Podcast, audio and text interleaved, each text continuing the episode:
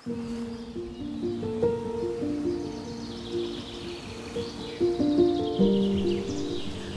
leuk dat je luistert. Welkom bij de podcast van Bemin Jezelf. Mijn naam is Judith Bruin en vandaag is het onderwerp van de podcast is... Ik doe dat alleen met mijn mond. Ik was met een paar vriendinnen aan het praten over seksualiteit. Niet zozeer over seks, maar over seksualiteit. Niet dat het wat uitmaakt, maar om een beetje een beeld te vormen. En het ging over. Eigenlijk ging het over de heiligheid van onze seksuele organen. Misschien kom ik daar zo nog bij terug. Maar waar het om ging is dat een van de meiden zei: Ik durf zo'n eikel bijna niet met mijn handen aan te raken. Dat voelt veel te grof. Ik doe dat liever met mijn mond. En um, de andere collega beaamde dat. En die zei: Maar weet je wat wel fijn is? Als je je vinger er zo overheen legt. Zo over dat gaatje. En dus ze maakte haar vinger een beetje een halve cirkel. En ging zo, ja, hè, hoe zeg je dat? Dwars door over de eikel heen, zeg maar. Want dan omvat je zijn hart. Een eikel is dus rechtstreeks verbonden met het hart. In mijn beleving. En hetzelfde geldt soortgelijk voor vrouwen. Het zit iets anders in elkaar uh, aan de buitenkant. Maar bij vrouwen is de baarmoedermond energetisch verbonden met het hart. En nu kun je misschien um, voorstellen dat bij penetratie het hoogste doel niet genot is, maar het uitwisselen van hartsenergie. Van dat, dat, dat het om de vereniging gaat en uh, om de genegenheid. Uh, eigenlijk raakt op fysiek niveau hart op hart. En daarmee bouw je natuurlijk een band op. Bouw je liefde op. Uh, liefde is een eerste levensbehoefte en genot kun je zien als een cadeau en een orgasme als de strik eromheen.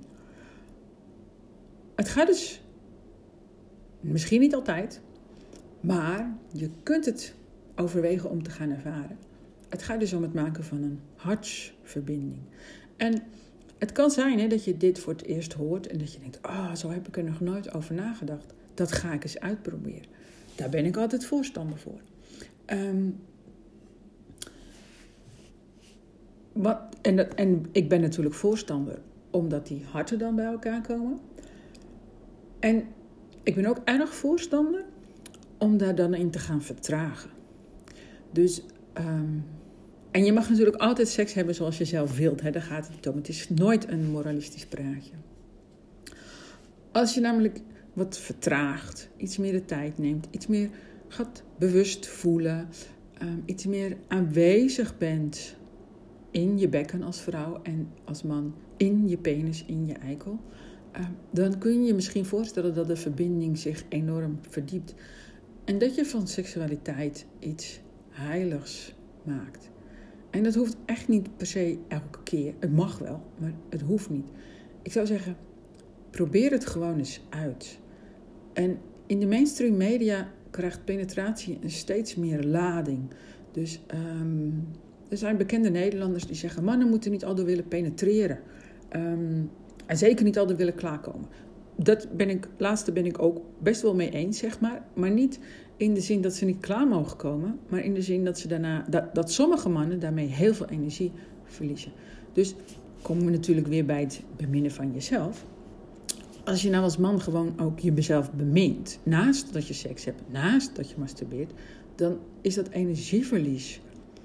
Als je goed traint, weg. Uh, uh, heb je het niet. Uh, als je iets minder goed traint, heb je ook wat minder energieverlies. En, um, en dan is penetreren als je vertraagt, als je daarmee een hartsverbinding juist tot stand brengt. Als je klaarkomt zonder dat je energie verliest en dus eigenlijk je afkeert vaak van de ander, dan is penetreren voor heel veel een stuk leuker, een stuk vervullender, een stuk intenser. Uh, iets waar je naar gaat verlangen in plaats van iets waar, je, waar veel vrouwen tegenop zien. Waarvan ze denken, nou ja, doe, doe dan maar, dan hebben we het maar weer gehad. Of vrouwen die nog zijn opgevoed met het idee dat ze dat moeten geven. Ik hoor nog zo vaak in gesprekken dat vrouwen zeggen dat ze seksualiteit moeten geven. Ik denk niet dat het gaat om geven en nemen. Ik denk dat het gaat om ontvangen. Je hoeft niets van jezelf weg te geven. Je hoeft niets te nemen van de ander. Het gaat om ontvangen, om afstemmen, om vertragen. Als je vertraagt, stem je af. En uh, dan is penetreren misschien toch wel een van de mooiste dingen. Ook al houdt seks meer in dan penetratie. Dus doe vooral wat je, waarvan je geniet. En, en als je penetreert, blijf gewoon aanwezig. Dus ook als man. Uh, blijf aanwezig in je penis. En blijf dan, als je die penis in een vagina stopt, aanwezig. Dan zeker aanwezig in je penis. En voel wat er in die vagina gebeurt. En probeer niet, zoals veel mannen onbewust doen, het gevoel van je hand na te jagen als je eenmaal in zo'n lekkere, warme, vochtige vagina zit. Ik snap ook wel dat dat heel fijn moet zijn. Um, en tegelijkertijd zit er aan die vagina een hele vrouw vast. En als vrouw mag je ook rustig aangeven van... Ho, ho, ho, dit is mijn heiligdom. Um, kunnen we daar even anders mee omgaan? En daarvoor moet je aanwezig zijn in je bekken. Dus ook vrouwen, uh, daal af naar je bekken. En dat kan heel eng zijn. Heel veel vrouwen leven al heel lang boven het middenrif. En dan helpt eigenlijk maar één ding. En dat is het beminnen van jezelf. Zodat je in je eigen tijd, in je eigen tempo, in je eigen slaapkamer, helemaal in je eentje, lekker afdaalt naar je bekken. Met een beetje begeleiding natuurlijk. En dan kun je hem ook echt ontvangen. En daar kun je ook dan van genieten.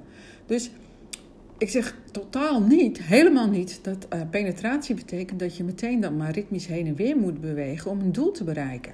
Dat mag dus echt een stuk rustiger. Zo rustig dat een penis ook af en toe slap mag worden. Um, die wordt ook vanzelf weer, weer hard. Maak je daar gewoon uh, niet zo druk om. En hard is niet eens heel erg fijn. Doe maar gewoon stevig. Zo'n zo'n harde, brandende penis die zo nodig iets moet. Dus het is veel fijner als hij warm en stevig is. En, en wil ontmoeten. Dus als zijn hart jouw hart wil ontmoeten. Of andersom. Um, en dan ervaar je niet alleen genot, maar ook emotionele verbondenheid. En het kan zelfs zijn dat je dan spiritueel geïnspireerd raakt. Dat valt natuurlijk niet mee als je onbewust porno als de norm hebt genomen. een grote verschil is bijna niet uh, mogelijk. En um, daar, daar heb ik een andere uh, podcast over gemaakt, over wat porno met je doet. En het gaat dus allemaal om afstemming, zodat niemand zich gebruikt voelt, niemand zich onvoldaan voelt. Uh, maar dat er tijd is om te genieten, om veel te genieten. Daar gaat het uiteindelijk om, lijkt mij. Genieten, genegenheid, verbinding, uh, liefde maken noem ik het ook wel. En dan komt dat orgasme vanzelf wel, of niet. En dat is dan niet meer zo belangrijk. Ook niet voor mannen, vreemd genoeg. Er wordt natuurlijk wel gedacht, maar ook mannen kunnen dat orgasme dan een beetje loslaten zonder dat het moralistisch is. Want het mag wel, daar gaat het niet om. Het is alleen, als je het allemaal wat rustiger doet en je laat die seksuele energie door je hele lichaam stromen, dat het niet altijd zo nodig is om je te ontladen. En dat het heel fijn is als het door je hele lichaam heen stroomt, als je hele lichaam meedoet.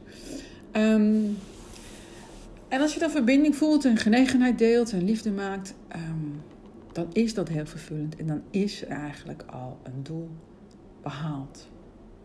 Nou, wil je dat weten hoe je dat doet? Kijk dan gewoon eens een webinar. Op www.beminjezelf.nl slash webinars kun je je opgeven voor verschillende onderwerpen. Leuk als je komt kijken.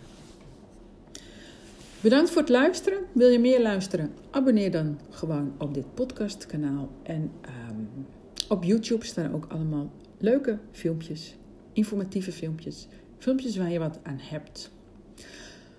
Bedankt voor het luisteren en bemin jezelf.